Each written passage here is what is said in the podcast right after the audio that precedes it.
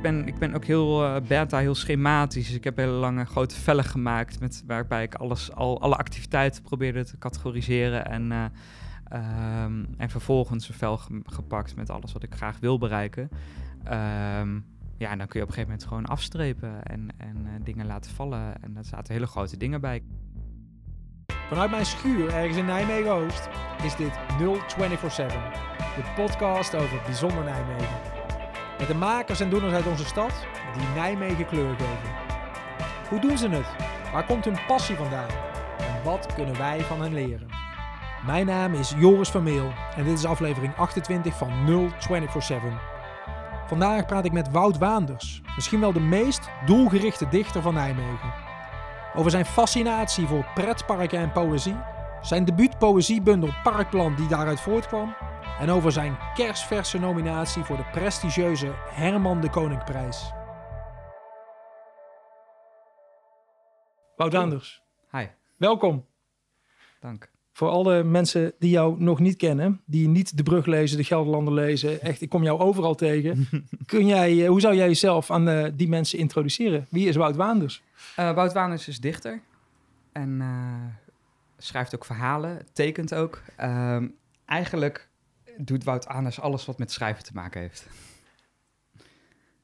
Is dat genoeg? Nou, nee, want volgens mij, dat is je creatieve kant. Ja. je hebt volgens mij ook nog een uh, je bent ook nog trainer, coach ja.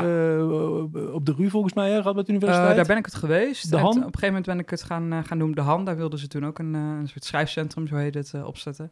Maar ook dat heeft met schrijven te maken. Alleen dat is de, de academische kant die ik ook geweldig leuk vind. ik coach studenten die vastlopen met een schrijfproces, meestal afstudeerders, afstudeerscripties. Maar ik begeleid ook docenten in hoe je die studenten nou goed kan begeleiden. Uh, dat is een heel dubbelzinnige zin, maar dat, het, het gaat er echt over. Ja, op het moment dat je een, een scriptie schrijft, dan word je vaak helemaal losgelaten. studenten halen van allerlei formats naar boven om toch een beetje een soort van houvast te creëren. Maar uiteindelijk gaat het erover hoe, hoe vertel je je eigen verhaal nou zo goed mogelijk, zo logisch mogelijk. Mooi. En ja, daar, daar heb je gewoon hulp bij nodig. Leuk. Gewoon een, een gesprekspartner voor. En dat ben ik vaak.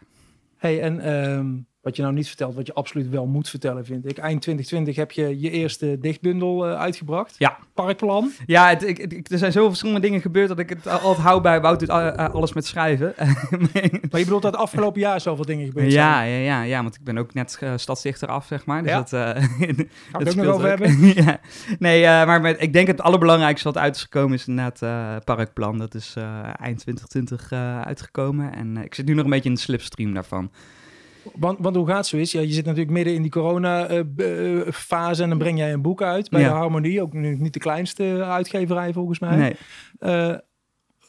Ja, dan denk je, dit wordt niks, kan ik me zo voorstellen? Of uh, zit, jij, zit jij niet zo in de wedstrijd? Ik zit sowieso niet in de wedstrijd. Uh, maar uh, ja, ik moet ook wel eerlijk toegeven, we hebben ook wel af en toe met de handen in het haar gezeten, ik en de uitgever. En vooral ik dan. En ik denk, ja, maar weet je, moeten we het nu al uitbrengen? We zouden het eigenlijk februari 2020 uitbrengen. Dat zou er net allemaal voor zijn geweest. Dat zou ook op zich ideaal zijn geweest. Um, alhoewel op het moment dat, want ik ken ook mensen die toen een bundel uit hadden, op het moment dat de corona komt, slaat het natuurlijk ook helemaal dood.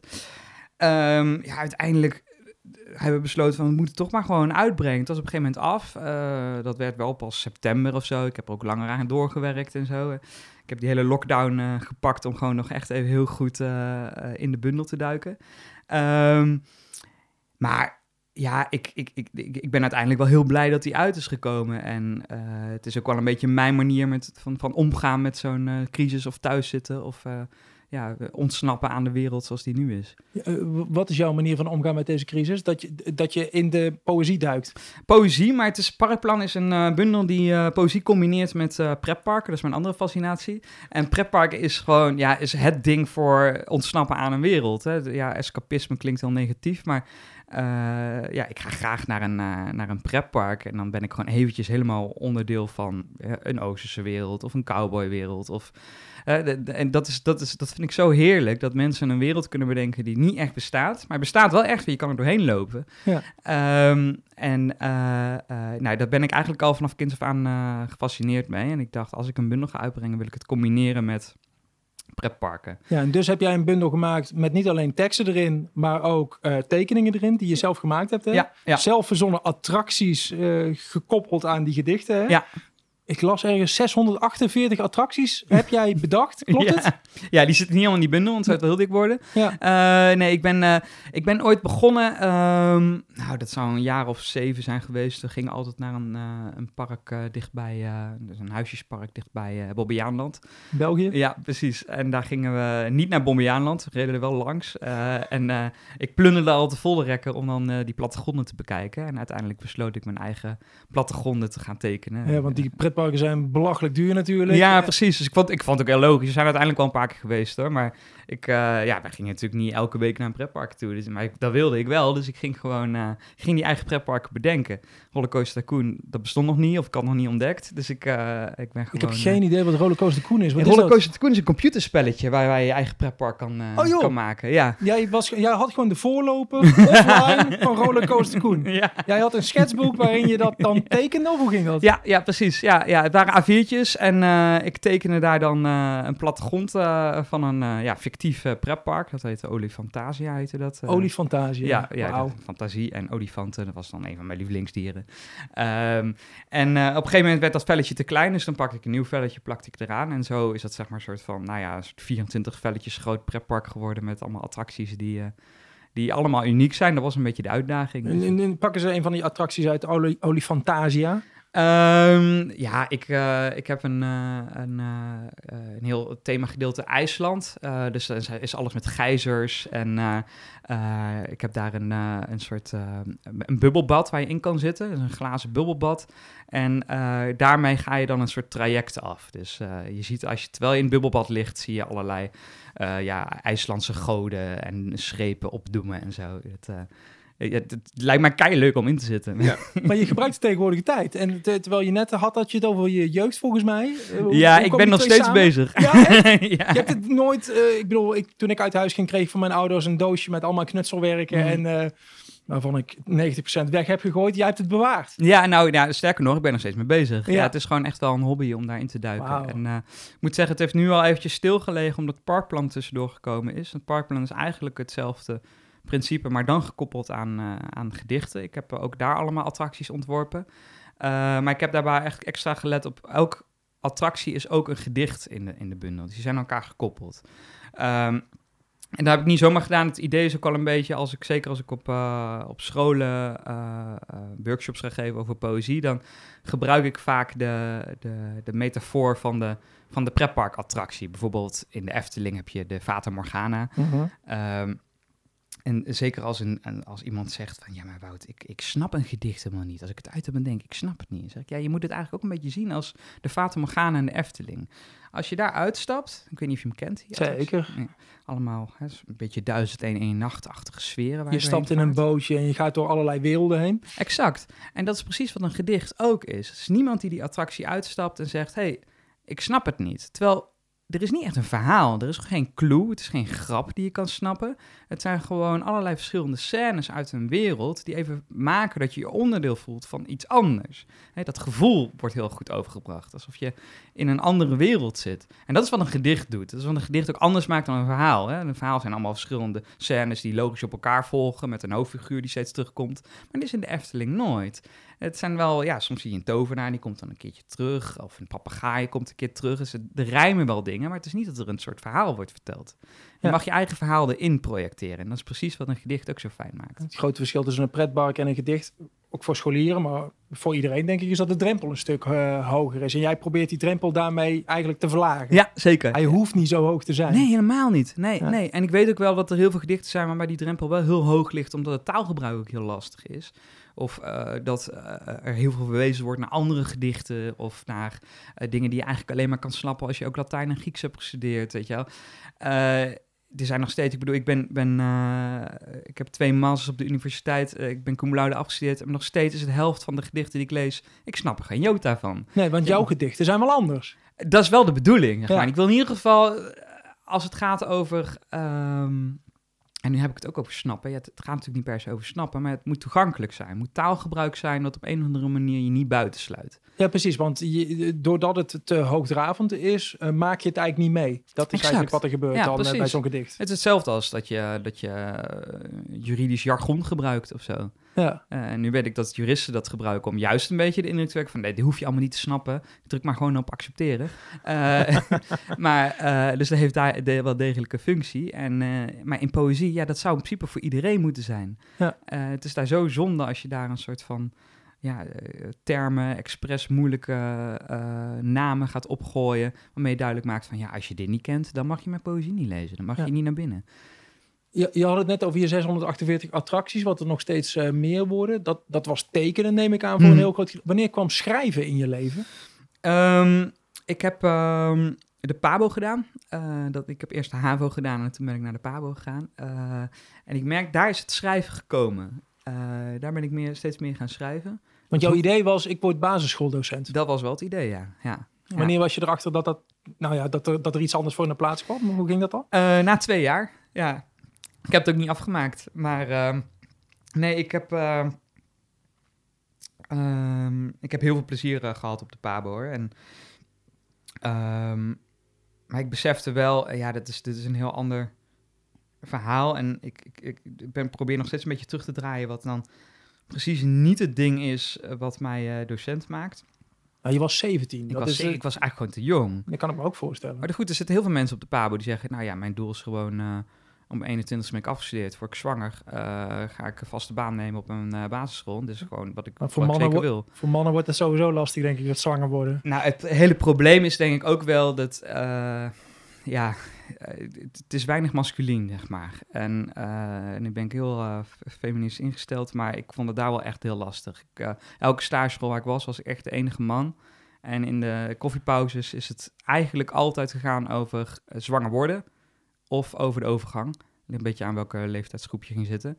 Maar ik kon het niet hebben over, nou ja, gewoon wat er op tv is geweest of de dingen die ik interessant vind. Eh, laat staan eh Feyenoord, mijn club of zo, weet je. Maar jij kwam er dus achter, het- schrijven kwam in jouw leven, daar hadden we het over. Want dit is een heel, ja, het is een heel ander. Ja, maar ja, nou ja, goed, het heeft er wel enigszins mee te maken. Ik ben daar... eh, ehm, eh, ik moest ook heel veel reflectieverslagen schrijven. Dus, dus in die zin is het ook een soort van... Je moet alles verantwoorden. En eh, dat is zulke droge stof. Weet je, als ik thee als gaan halen... moest het al ergens in een of andere reflectieverslag terugkomen. En eh, dat wakkerde bij mij een beetje de soort spier aan... om echt iets anders te willen gaan schrijven. Weet je wel? Dus op een gegeven moment had je zo acht verschillende reflectieverslagen aanstaan... en dan denk je, oh, ik moet echt even mijn hoofd vrijmaken met iets onzinnigs schrijven. En Oh ja, dat- dan, ga- dan ging je niet weg om tv te kijken of iets anders te doen. Nee, maar jij, ik- jij bleef achter die computer ik bleef aan de zitten. computer zitten, even... even en wat kwam er dan uit? Ja, eh, geen idee. Eh, gewoon rare teksten. En eh, ik heb het ooit een keer opgestuurd naar een eh, gedichtenwedstrijd. En, en daar ben ik eh, toen in een soort van finale terechtgekomen. Toen dacht ik, oh, dat zijn gedichten. Oh joh. Dat is een beetje de... Ah, je hebt dan wel het muntje gehad dat is gevallen dat je dacht, hé, hey, dit kan ik insturen. Ja, een vriendin van mij zei dat. Ehm, Oh ja? Maar... Je durft het dus ook te laten lezen. Nee, dat niet eens. Nee, nee, nee. Die had, wist gewoon eigenlijk helemaal niet zoveel van mij. Ik schreef toen columns voor een studententijdschrift. En die zei, nou, een gedichtwedstrijd, misschien ook wel iets voor jou. Toen dacht ik, nou, ik heb helemaal niks met gedichten. Eh, Waar kom je daar nou vandaan? En toen dacht ik opeens aan die schrijfsels. En het idee met die gedichtenwedstrijd was ook een beetje... Ik had zelfs echt een hekel aan gedichten. Ik was echt wel... eh, Ik moest op de middelbare school dat lezen en dacht... Wat een ongelofelijke bullshit is dit. Eh, ehm, ik was er zelfs zo een beetje boos over dat ik dacht... Weet je wat, ik ga gewoon allemaal onzin schrijven. En dan ga ik opsturen. En als ik dan eh, door ben, nou, dan heb ik dus bewezen voor mezelf dat het gewoon bullshit is. En als het eh, als niet doorkomt, dan heb ik ook, eh, nou ja, goed, dan, dan is dat niet erg. Want dan is het op een manier toch gewoon iets wat ik dus blijkbaar niet helemaal kan snappen. En toen kwam ik door. En dacht ik, hè? Dus, Oké, dus blijkbaar is het dus... En ik kreeg allemaal leuke kritieken. Mensen waren, dachten, oh, dit is wat, wat leuk. Dat kon ik voor mezelf niet zo goed rijmen. Want blijkbaar was ik opeens goed in iets wat ik, waarvan ik helemaal niet achter stond dat ik dat... dat, ik dat, dat Waar je niet vol voor gegaan was eigenlijk, Nee. als ik het zo... Nee, precies, ja. Ehm, maar, maar, toch zat er ja. iets in. Zonder dat je best had gedaan, zat er iets in wat herkend werd als... eh ja, gek dit is dat, wat. Ja, ehm, ik, heb, eh, ik heb toen ook gezegd van, nou ja, dit was het dus, dit was het experiment. Eh, die finale heb ik dan weer niet gewonnen natuurlijk, dus het is ook een beetje een soort van, hè, het Ja. is nooit helemaal ge- Nee, want dan was het weer bevestiging geweest van jij bent keigoed. Terwijl Ja. er natuurlijk, je ik kan me, het is een soort ide- identiteitscrisis waar je dan mee blijft Ja. zitten. Klopt. Ehm, maar ik denk dat dat, dat want ik ging, ik ging naar huis en ik dacht, nou, dit was het dus. Heel leuk. Het was een, en ik mocht ook naar Leuven. Het was heel uh, chic en een groot diner en een grote finale. Dus ik dacht, nou, dit heeft me dus blijkbaar op een hele leuke plek gebracht. Maar het is niet per se... Nou ja, eh, weet je wel, ik dacht, nu gaan we gewoon weer lekker uh, terug naar de Pabo. Uh, maar ik bleef toch thuis schrijven. Er was iets wat me soort, op een soort magische wijze had getrokken in, wow. in gedicht, wat het me niet meer losliet. En ik, ik denk dat ik wilde onderzoeken van, oké, wat is het dan? Want natuurlijk, dit is het verhaal wat ik toen ook iedereen vertelde. Van, ik ben mee gaan doen omdat ik poëzie stom vind en ik wil bewijzen dat het stom is en daarom ga ik het insturen. Maar wat je eerder al zei, dat zit natuurlijk ook een beetje on. Ik ben het ook gaan doen, weet je wel. Ik vind het ook, ik, blijkbaar is iets waar ik heel erg boos op was. En dat betekent ook dat ik, weet je, het liep me niet koud of zo, weet je wel. Ik, ik was er eigenlijk al door geraakt voordat ik daarin stuurde. Ja, je wordt alleen maar boos om dingen waar je eigenlijk ook iets om geeft. Als je er niks om gegeven had, had je het ook niet, was je ja. ook niet boos om geworden. Ik denk dat ik die boosheid eigenlijk nog steeds heb. Uh, er zijn, is nog steeds, zijn nog steeds gedichten en bundels die ik lees waar ik nog steeds diezelfde boosheid kan, kan oproepen. Maar gelukkig heb ik gewoon tussentijd ook heel veel dichters ontdekt waarbij ik denk, ja, dit is fantastisch. Dit zou de hele wereld moeten leren kennen. Hey, en je hebt je ook je eigen stem gevonden, durf ik wel te zeggen. Uh, Vind je dat van jezelf ook? Ik zou wellicht een uh, Wout Waanders uh, gedicht kunnen herkennen. En ik ben helemaal geen poëzielezer. Maar ehm, ik, ik vind het optimistisch, opgewekt, speels, mm. absurdistisch. Ja. laagdrempelig. Ja. Ja, vind ik mooi dat je Ja, het is, je eigen stijl benoemen is moeilijker dan, Als anderen dan af voor anderen. Maar ik heb wel eens uh, uh, s'avonds uh, een keertje bij een ja, kleine festiviteit voorgedragen met een vriend van mij, die ik nu niet zal noemen, maar wij we hadden afgesproken om een gedicht te schrijven in elkaars stijl. Wow, ja. En dat van tevoren in een gesloten envelop aan elkaar te geven. En dan op podium te doen alsof we echt dit gedicht zelf hadden geschreven. Super. Om te kijken of dit werkt, kun je inderdaad echt, zeg maar, kun je iemands anders stijl schrijven. Zeg maar. Nou, en tegelijkertijd kun je je eigen tekst, je zogenaamd eigen tekst voordragen alsof het je eigen tekst is. Ja, zullen, komen dan mensen naar je toe en zeggen ze, nou Wout, het is echt weer typisch een Wout-gedicht. En? Uh, Hoe voelde het om te doen? Ik, kikken. Ja? maar het is, ja, het is niet gelukt. Hij schoot helemaal in de lach, volgens mij. Het, of, het, was, nou, zijn vriendin zat in de zaal en die merkte... De, hier klopt iets niet. En, en die moest kaart lachen. En toen dacht we van het publiek al van... Er is iets aan de hand hier. Uh, ik heb zelf de fout gemaakt om bij hem er een, uh, een naam in te doen. Nou ja, namen is echt iets wat, wat ik heel erg doe. En hij niet, dus dat, dat, dat is iets wat, wat wel fout is. Maar vooral een... Uh, ik had een beetje een ja, een Iraanse naam waarvan ik wel, ja, die ken ik nog uit de middelbare school. Uh, maar hij wist niet hoe hij hem uit moest spreken. Dus hij stond al een beetje zo, Rafik of zo. Ja, uh, dus de, dat, dat, dat, dat was mijn fout daarin. Ja. Maar uh, het ging over jouw stijl. herkende, kon hij jouw stijl pakken? Um, nee, toch niet helemaal. Nee, ik denk dat we dat bij beide ook wel terug, terugzagen. Er waren, het, het was meer... Uh, ja, noem het een karikatuur of zo. Ja, ja het. een uitvergroting. Ja, wat was niet de bedoeling, maar ja, er zijn gewoon bepaalde elementen die je dan weet van, ah, ja, er, er, komt bij mij wel eens iemand op een fiets voorbij, maar dat is dan een dier of iets raars of zo, weet je wel. En dat, maar als je het constant in het gedicht in laat fietsen, dan is het... Ja, als dat zo op fietsen elkaar tegen blijven komen, dan wordt het too much Precies, ja, ja. Ik uh, zou, zou je een gedicht voor willen dragen? Um, wat ik wel echt zelf heb geschreven. Ja, zeker. Heel graag. Ik ga, hem niet, ik ga hem niet voor je schrijven. Ik ben wel benieuwd, eh, wat voor gedicht, op basis waarvan pak je nou een gedicht uit Parkplan? Heb je een lievelingsgedicht? Nee. Nee, kijk, het, het, het, het vreemde is ook altijd een beetje... Als ik voor een publiek sta, dan weet ik het gelijk. Want dan zie ik het publiek. En dan uh, kijk ik, ah ja, dit is volgens mij wel iets wat voor deze, voor deze groep past. Gaat ook wel eens mis hoor, maar... Ik weet in ieder geval vaak al wat ik wil kiezen. Maar ja, nu zie ik de luisteraars niet. Je ziet mij, je moet het met mij doen, jongen. Ja, dus ja, dan uh, ga ik, uh, weet ik veel... Uh, Die ding? iets doen wat... ja, waar ik gewoon zelf zin in heb dan. Heel goed, jongen. Oké. Okay. Het valt mee.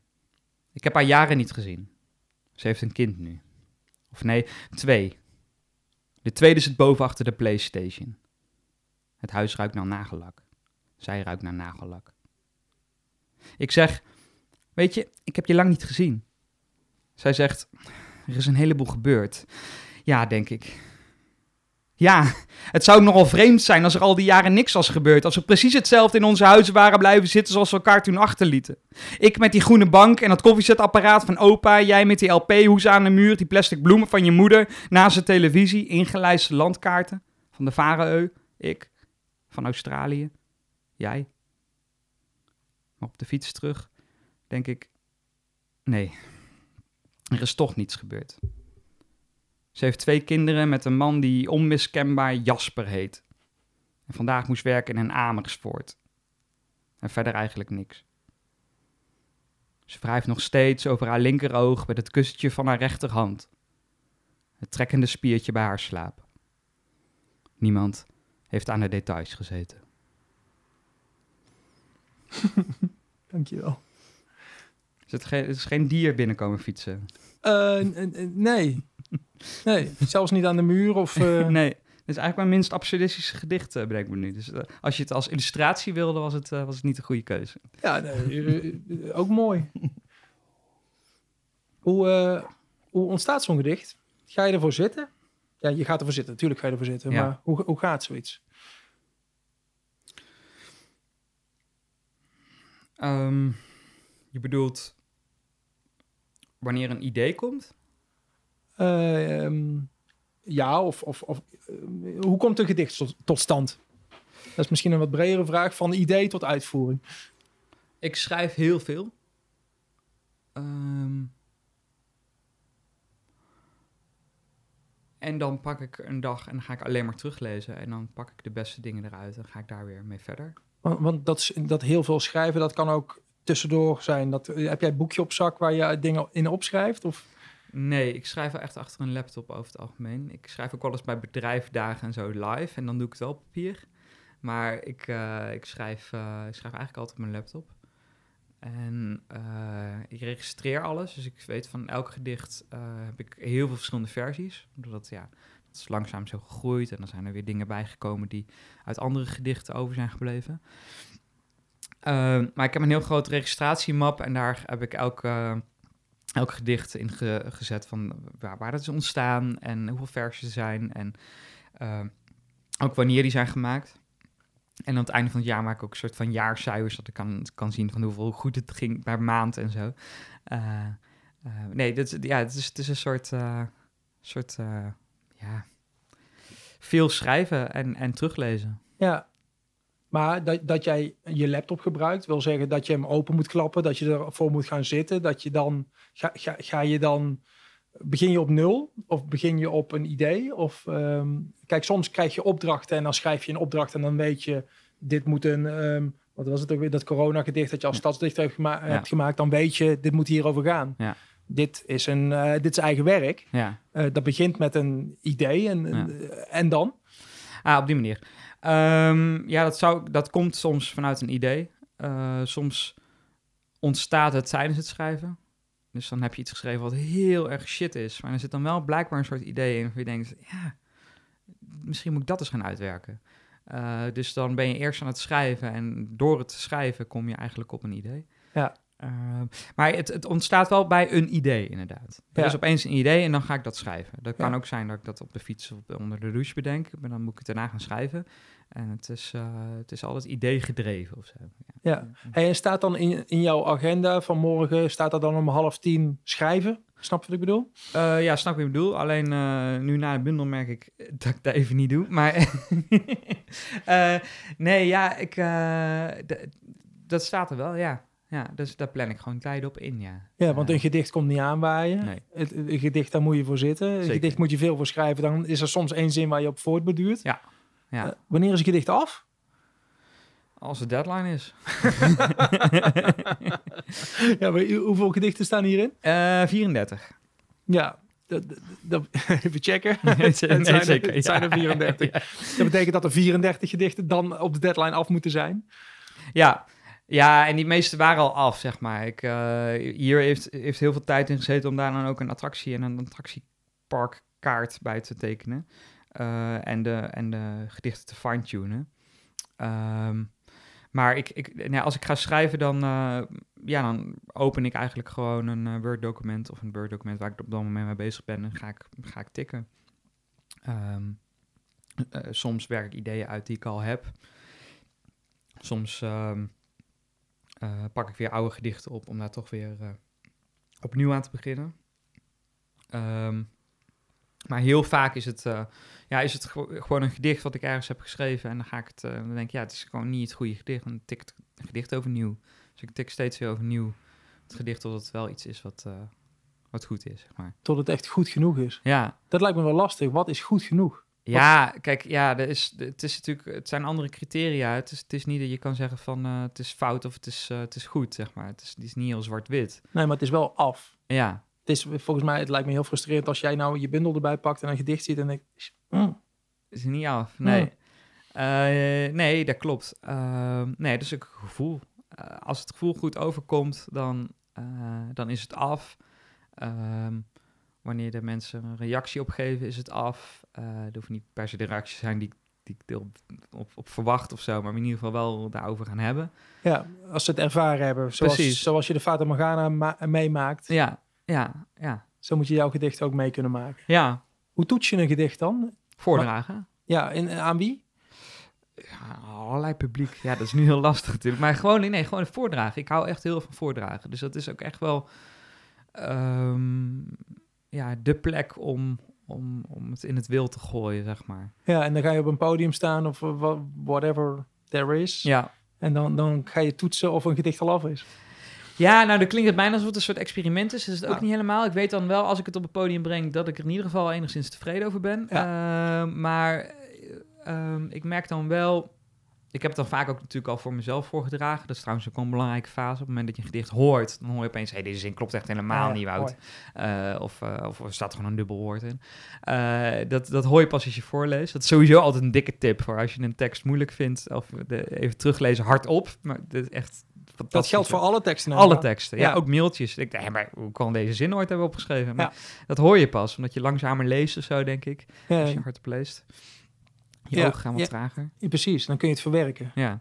Mooi. Ehm, maar ja, op, als ik het voor het publiek doe, dan merk ik dat er een soort van... Ja, er is of een magie, of het wordt opgepakt of zo, of niet. Ehm, en en, en dat, dat, dat magisch is waar ik, waar ik voor ga, maar daar ga ik ook wel mijn performance op aansluiten. Dus in die zin is het geen zomaar... Ik gooi het in, over de heg eh, als ik het voordraag. Ik wil er ook wel echt iets, iets van maken eh, op het moment dat ik het op het podium doe. Ja, want dat is wel een verschil tussen jou en, eh, en vele andere dichters, denk ik. Dat jouw gedichten niet alleen heel goed te lezen zijn, maar ook... eh, je kunt, jij doet ook echt je best om ze voor te dragen. Wanneer heb je dat voorgenomen om te gaan doen? Ehm, ja, het is niet eens een voornemen geweest. Het voelt gewoon heel logisch in... Ja, het is eh, eh, toegankelijkheid, zeg maar. Dus Ja. dat, je, dat, je, je- dat je je welkom voelt in een gedicht. Dat je niet het gevoel hebt van... Oké, dit gedicht sluit mij buiten... omdat het allemaal taal gebruikt die ik niet snap. Dat geldt ook voor op een podium staan. Hè? Op het moment dat een dichter daar staat... en met een bundel voor zijn neus of een blaadje papier... en nou, je kan hem zelf helemaal niet zien... en is het weggedoken...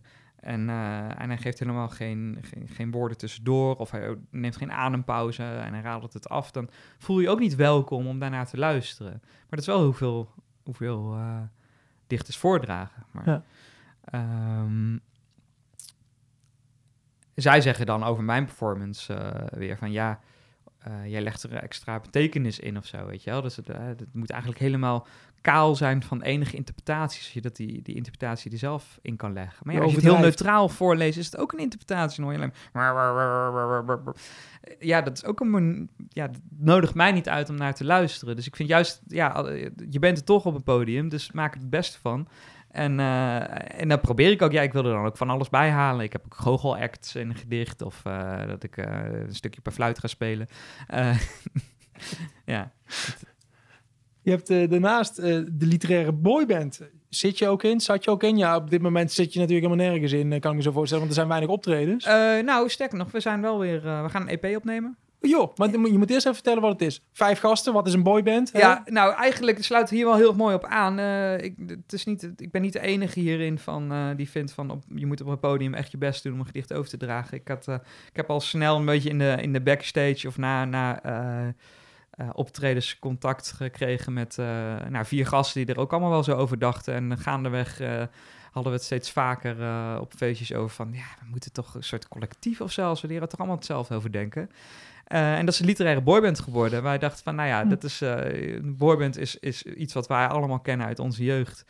Eh, nou, we zijn allemaal zo tussen de 25 en de, en de 35, nou ja, 30. En eh, eh, ja, we dachten, dit is een mooie manier om poëzie op een andere manier op het podium te brengen. Dus met alles wat je kent van, eh, van een boyband, de dansjes, de, de, de, de slick moves, de kledingwissels. De vijf verschillende types De vijf verschillende archetypes inderdaad. Hè. We hebben de, de een beetje nerdy jongen, de ideale schoonzoon, de, de, de, de, de stoere bink, zeg maar. Dat, dat zijn alle types die je ook kent van de Backstreet Boys, zeg maar. Jij bent de blonde zeker. Ik ben de blonde, ja. Hoe heet je ook weer? Het is een beetje de Nick Carter, zeg maar. maar ja, Carter, slijmbal. Ja. Ja. dat ben ik ook wel een beetje als het gaat om, nou ja, ik, ik, ik zit heel erg op, eh, op emotie inderdaad. Dus dat, eh, als er dan een solo is over eh, het is uit met mijn meisje, dat doe ik dan, zeg maar. Ja. Oh, je hebt gewoon ook de zinnen dan gekoppeld aan het type dat daar het best bij past.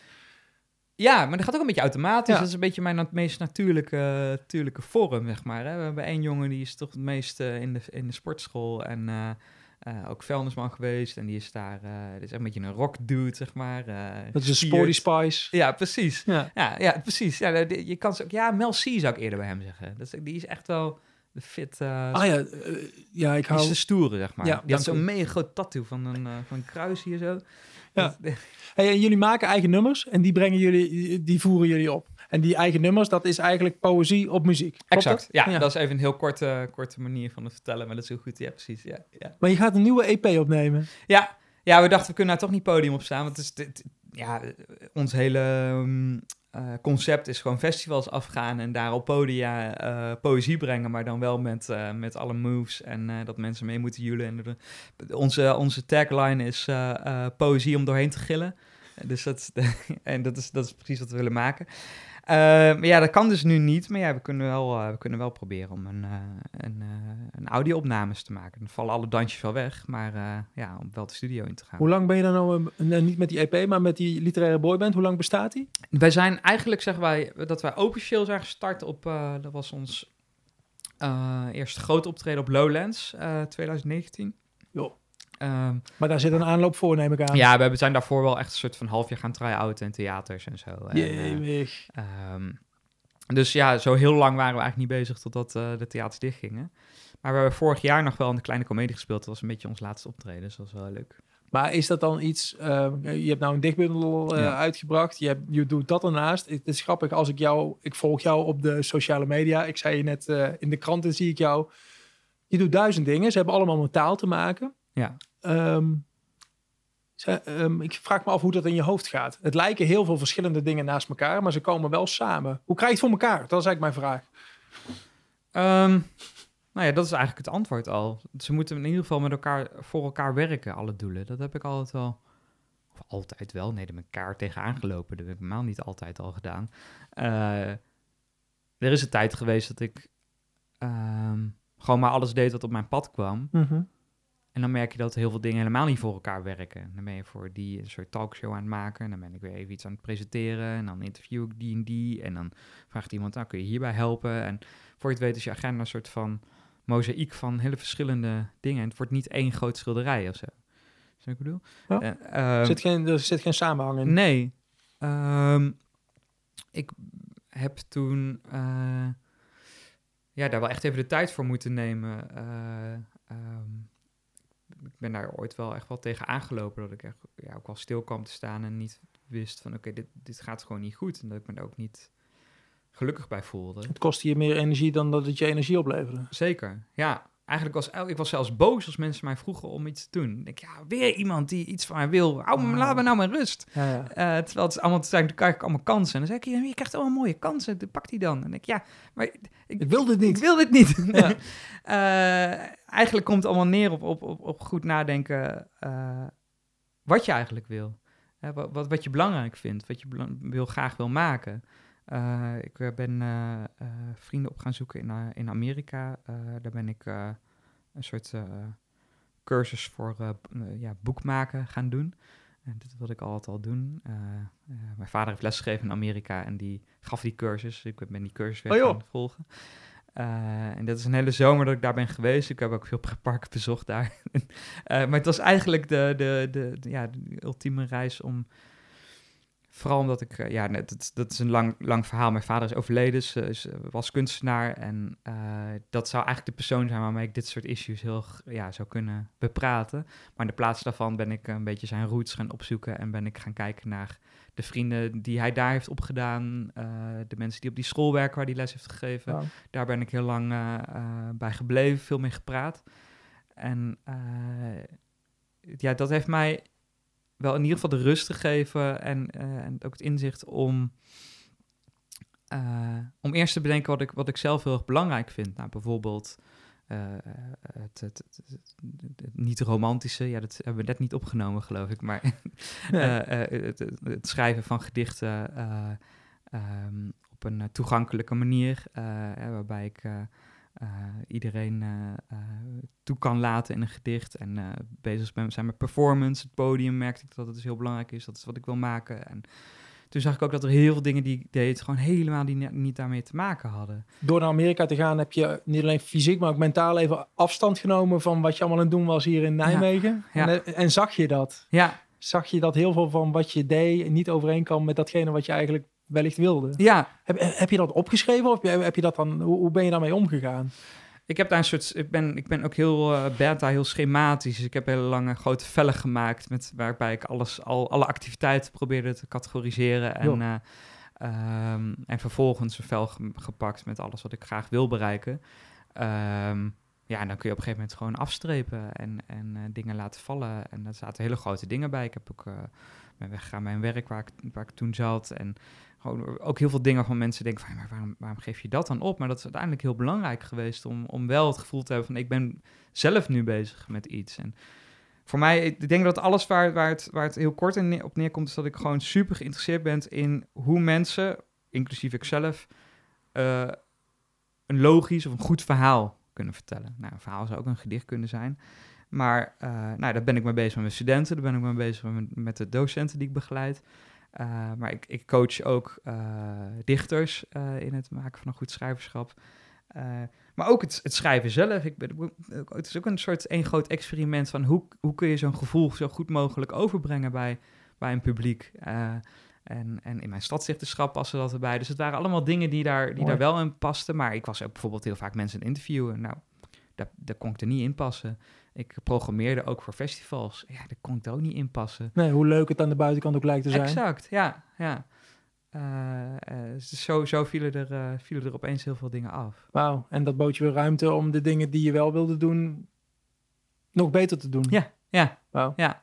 Ja, mensen merken dat ook, geloof ik altijd wel. Op het moment dat jij duidelijk je verhaal hebt van... oké, okay, dit, dit is wat ik graag wil. En je hoeft niet altijd te hebben over waarom je het graag wil. Maar mensen merken het op het moment dat jij, dat jij iets, iets graag wil doen... wat je dat zelf belangrijk vindt. Dat herkennen ze in, in, in je drive, zeg maar, in, in wat je aan het doen bent. Ja, maar het is super intentioneel natuurlijk. Dat je afstand neemt van jezelf. Je hebt bijna een levensmissie voor jezelf ja. uh, gevormd. Op, ja. op basis waarvan je toetst, dit doe ik wel, dit doe ik niet. Ja. Dat is nogal wat natuurlijk. Als je niet oppast, dat herken ik wel in, in, in, deze wereld. Als je niet oppast, dan overkomt het leven je. Ja. En jij hebt er eigenlijk afstand van genomen en ervan gezegd, dat laat ik niet gebeuren. Ja. Ik, uh, ik pak het zelf bij de kloten. Ja. Mooi. Ja, dat is wel, dat is echt een hele belangrijke uh, periode geweest, ja. Het is wel mooi gezegd inderdaad. Dat is precies het gevoel dat het leven je overkomt. Dat gewoon allemaal mensen zijn die het stokjes in je prikken en dat jij er eigenlijk niks tegen kan doen. Ja. Maar dat is, ja, Ook al zijn die stokjes heel mooi. Ja, precies. ja.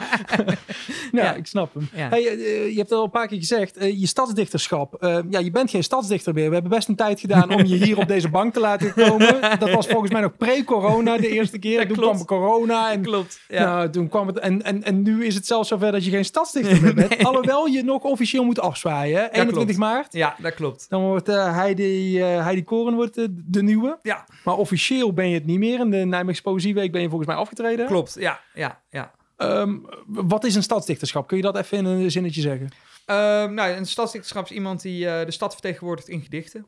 Um, dat is wat het is. En hoe word je dat? Uh, dat is een soort commissie die je daarvoor uitkiest. Dus het is niet, uh, het is niet geen verkiezing of zo. Hoef je niet te solliciteren? Nee, het is een beetje zoals bij een burgemeester. Oh nee, dit moet je wel solliciteren bij een burgemeester. Ja, je moet je in ieder geval... Ja, volgens mij moet je wel solliciteren. Dat doe je dan in het geheim.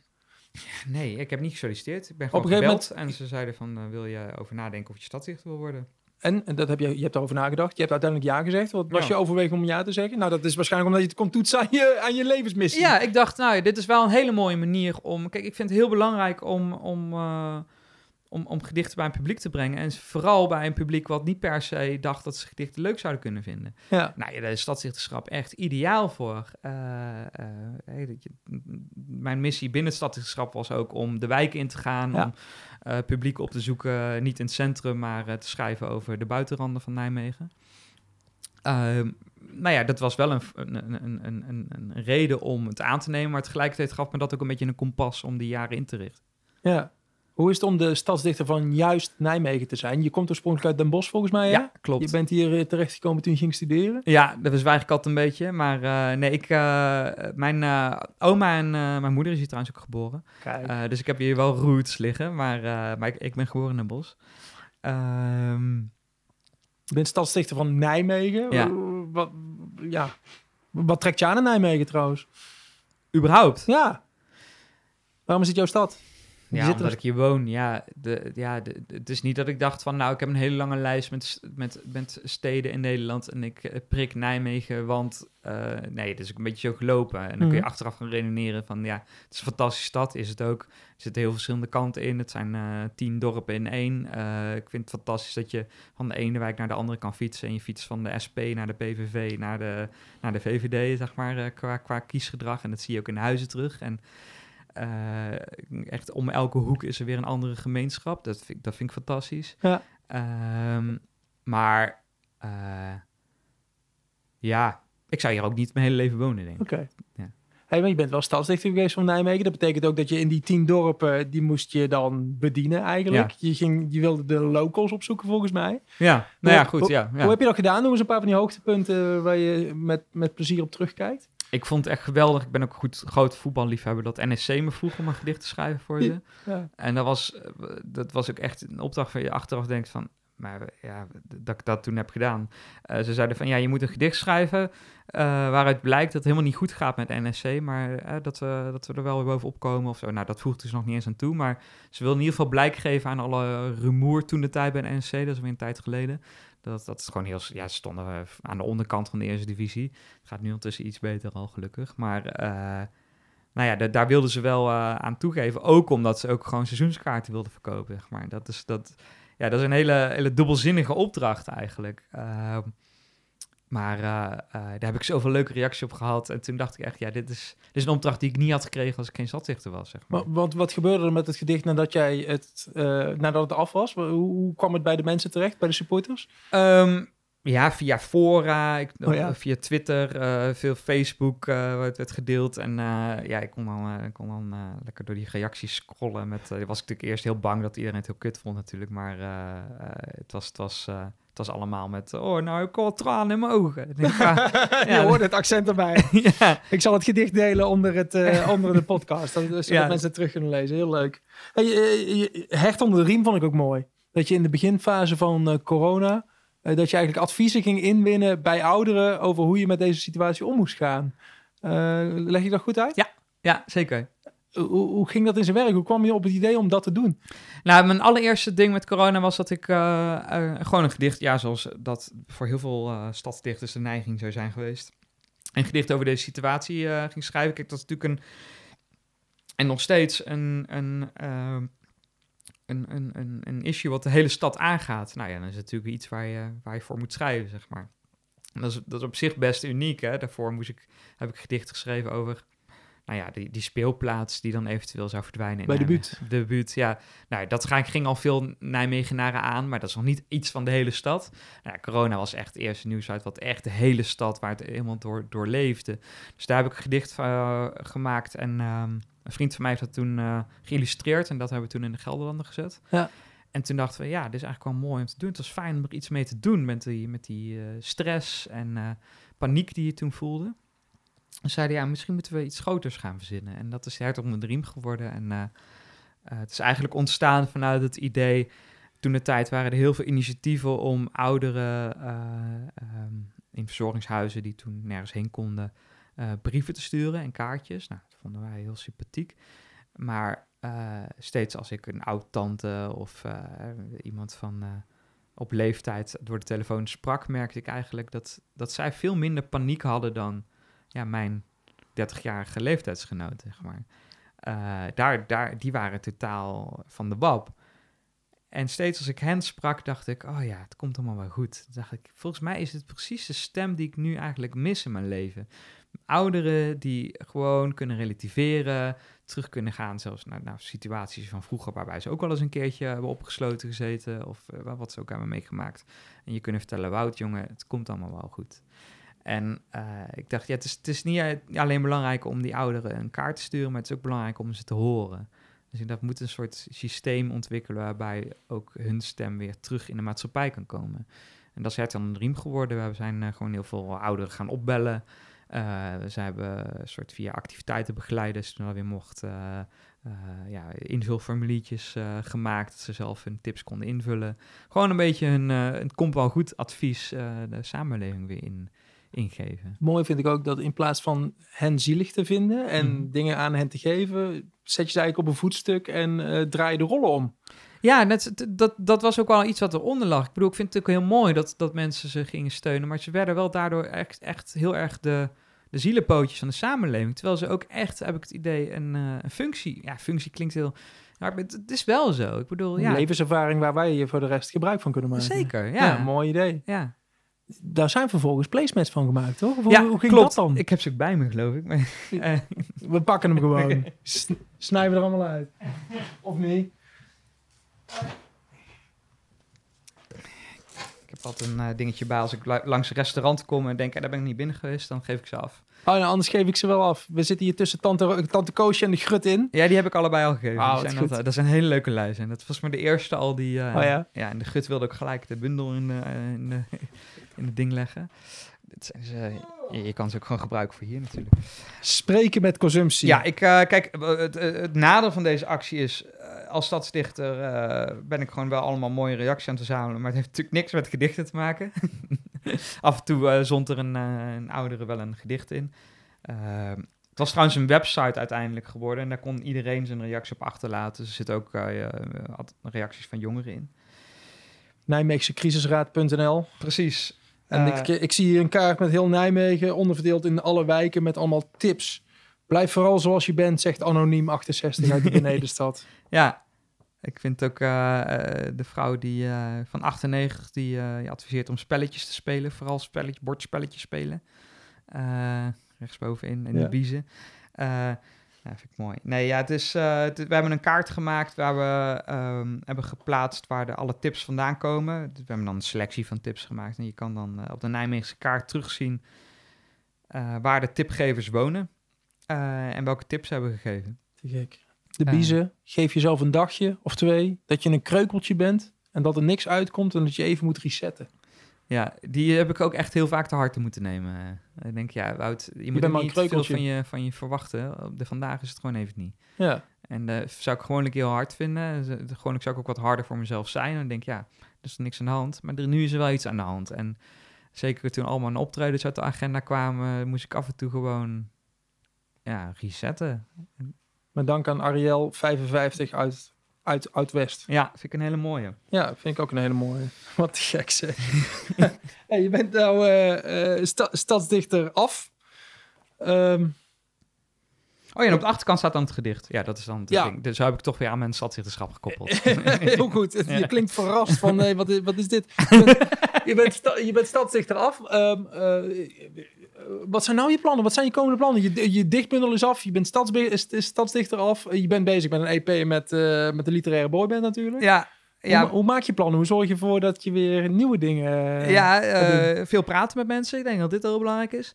Nee, ja, ik heb, ik heb denk... Uh, ik maak steeds doelen. dat, is, dat is ja, wat ik mijzelf heb aangeleerd. en de laatste doelen waren... nou, zorgen dat, er een, dat de kans groot is dat er een mooie bundel komt. Ik probeer alle doelen een beetje bij mezelf te formuleren. Uh, uh, de, de, kans te vergroten dat ik uh, ja, kan promoveren als het gaat over iets wat met schrijven te maken heeft. Oh ja, daar ben je ook nog gewoon mee bezig. Ik zag dat je een wetenschappelijk artikel laatst had gepubliceerd. Ja, precies. Dus dat is ook nog iets waar ik, waar ik, waar ik veel mee bezig ben. Um, en, um, en het staddichterschap zo, zoveel mogelijk in wijken en dat soort dingen in, in, insteken. Ehm, maar eigenlijk zijn die drie dingen nu ja, behaald in de zin van... Heel concreet wilde ik gewoon een bundel, een onderzoeksartikel en, een, eh, en eh, het stadsdichterschap afronden. En nu zit ik opeens... Ja, ik denk, ja, ik moet weer nieuwe doelen gaan maken. Ehm, eh, daar ga ik nu gewoon lekker de tijd voor nemen. Ik denk in een gewone wereld was ik nu gewoon lang op vakantie gaan. Als ik Ja. nu even twee maanden gepakt en eh, ehm, ja, ik ben al heel lang niet op vakantie geweest. Had ik jezelf ook gegund. Had ik jou ook gegund. Hey, een van de laatste dingen die ik te berden wil brengen. Je laatste eh, social post is dat je genomineerd bent eh, voor de Herman de Koningprijs. Het was eh, twee dagen geleden volgens mij de, de verjaardag van Herman de Koning. Klopt, ja. En er is een Herman de Koningprijs voor beste poëzie bundel. Je Ja. staat daar tussen een paar enorme grootmachten. hè? ja, ja. Ja, ben je gebeld of hoe gaat zoiets? Vertel ik, eens. Ik kreeg een mailtje. Ik was eh, eh, voor Valentijnsdag eh, was ik Valentijnsgedichten op afspraken aan het tikken. Je was een brievenboy. Een brievenboy. en dat betekent, ja, dat deed ik voor de bibliotheek. En er waren gewoon de hele dag mensen die een liefdesgedicht wilden, maar dat niet zelf konden schrijven, waren we dat aan het tikken. En opeens zag ik tussen alle aanvragen een mailtje van, van Herman de Koningprijs dat ik genomineerd was. Dus, nou ja, gelijk champagne opengetrokken. En, eh, Nee, maar het is Ja. toch niet zomaar iets? nee, of, het is eh, wel echt, echt wel. eh, dit had ik niet zo. dit had ik ook niet verwacht. Dus kijk, het is een. je, hebt, je hebt een paar prijzen die gaan voor, voor debuten. Ja, dit is mijn debuut, dit is mijn eerste bundel.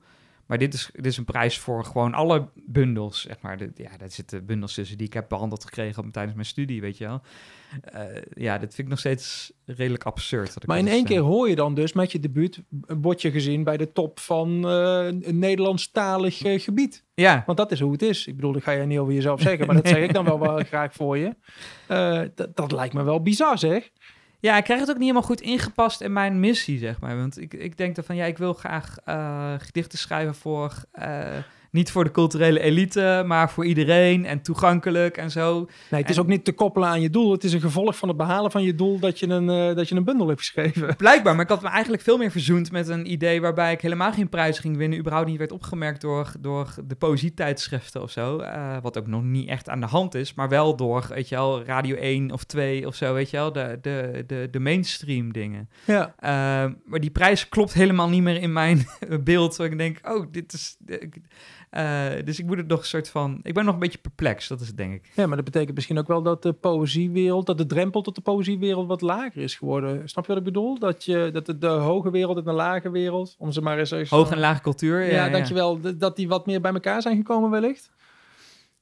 Ja, dat zou kunnen.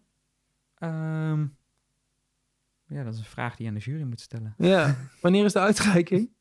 um, ik... Uh, en wie bepaalt, er, er is een jury en die bepaalt nou ja, gewoon. Het is uh, geen publieksprijs. Nee, we maar. kunnen niet stemmen. Nee, helaas. nee, precies. Nee, nee, nee. nee. Het, is een, uh, het, is, het is helemaal een juryprijs. En die uh, jury buigt zich er nu over. En dan is het 21 maart, is dan, dat is trouwens ook de dag waarbij ik dan officieel afscheid neem als stadsstichter. Jo. Is de, is de, de uitreiking. Het is in België, dus ik weet niet of ik denk dat ik daar fysiek bij ben. Maar het is wel zo dat. het is Wereldpoëziedag, dus daarom zijn, komen ah. al die dingen samen. Ja. Uh, wel zo dat ik dan hoor. Maar ik verwacht het niet als je kijkt naar wat voor grote namen daartussen zitten. Het is op zich al een prijs om daartussen te mogen staan. En je moet ook nog wat uh, doelen te stellen hebben, vind ik. Dat is ook waar, ja, zeker. Ja. ja. Um, hoe laat is het? Want uh, 9 uur is de avondklok. Ik heb, uh, ik heb nog vijf minuten op mijn timer. Maar, zou je willen afsluiten met een uh, ander gedicht? Ja, een, een, echt Wout Waners gedicht? Ja, ik wil... met ik een wil dier erin? Ik heb eigenlijk een beetje spijt van het gedicht wat ik net heb gedaan. Dat, is gewoon, dat viel een beetje daarop open. Maar dat doe ik eigenlijk vooral als ik een beetje droevig ben. Maar ik ben helemaal niet droevig. Ik ben juist heel euforisch, dus en nominatie. nou, laat het maar eens even merken in je volgende gedicht. Ik kan uh, spreken met consumptie wel doen. Wat jij wil, wat jij wil. Oké, okay, dus op de placement. Spreken met consumptie. Ik ben deze dagen uiteindelijk maar tegen mijn eigen maaltijden gaan praten. Vrijwel nooit hoor ik wat terug. Zwijgend begin ik het dan maar op te eten. Ook de stilte kan voedzaam zijn. En in de zeldzame gevallen dat ik toch wat gemurmel uit zo'n worst of een doperwtengroep hoor komen, is het meestal niet meer dan wat woorden over cijfers en waarheden, vage vooruitzichten, mogelijke maatregels, de angst om een ander en de angst voor een ander. Ook hen werk ik dan alsnog standrechtelijk naar binnen. Maar laatst Laatst begon een bloemkool opeens over een onbekende legende. Met zijn woorden droeg hij me voorzichtig mee naar een lang vergeten kolenland. Hij heeft zichzelf gered. Avond aan avond vertelt hij verder vanaf het schaaltje waarmee ik hem ooit op de tafel heb gezet. Wanneer de dagen op elkaar zijn gaan lijken, er geen vuur meer is, geen vonk, geef niet op. Soms schuilt er een groot verhaal in zoiets als een bloemkoolstronk. Wout, het was fantastisch dat je er was. Dankjewel. Succes eh, met je nieuwe plannen. En tot later. Thanks. Koop die bundel, mensen. Parkplan. Zo, dit was hem dan alweer. De 28e aflevering van 0247. Ik praat er vandaag met Wout Waanders. Misschien wel de meest doelgerichte dichter van Nijmegen. En wat een tof gesprek was dat. Wout, eh, dank voor je kwetsbaarheid. Dank voor je mooie verhalen. Dank voor de gezelligheid ook. Eh, na afloop van het gesprek was het kwart voor negen. En had Wout dus nog een kwartier om als een eh, malle naar Nijmegen-West eh, te gaan fietsen. Hij vergat zijn, zijn koptelefoon. Hij nam mijn bundel, parkplan, met zich mee. En dat betekent dus misschien wel dat ik weer een nieuwe bundel van hem moet kopen. Ja, dat is ook een manier om de verkoopschijvers eh, omhoog eh, te krikken. De volgende dag kwam hij wel terug om zijn eh, koptelefoon op te halen. Dus zo is hij dan ook wel weer, die Wout Waanders. Nee, geintje. Koop die bundel, beste mensen. Parkplan. niet alleen toffe letters, maar ook hele toffe tekeningen. Het ideale cadeau. maar ik zou hem gewoon eerst stiekem zelf lezen als ik jullie was. Dankjewel voor het luisteren. Ik hoop dat je ervan genoten hebt. Wil je op de hoogte blijven? Abonneer je dan op deze podcast in je favoriete podcast-app. Of volg me op de sociale media. Dan zie je het vanzelf wanneer er weer een nieuwe aflevering online staat. podcast 0247. Eh, je kunt me ook een bericht sturen. Dat doe je via de website www.0247.nl. Daar staan ook gewoon alle afleveringen op een rijtje. Je kunt ze allemaal weer terugluisteren. Dat was het voor deze keer. Nou, tot de volgende maar weer. Haaien!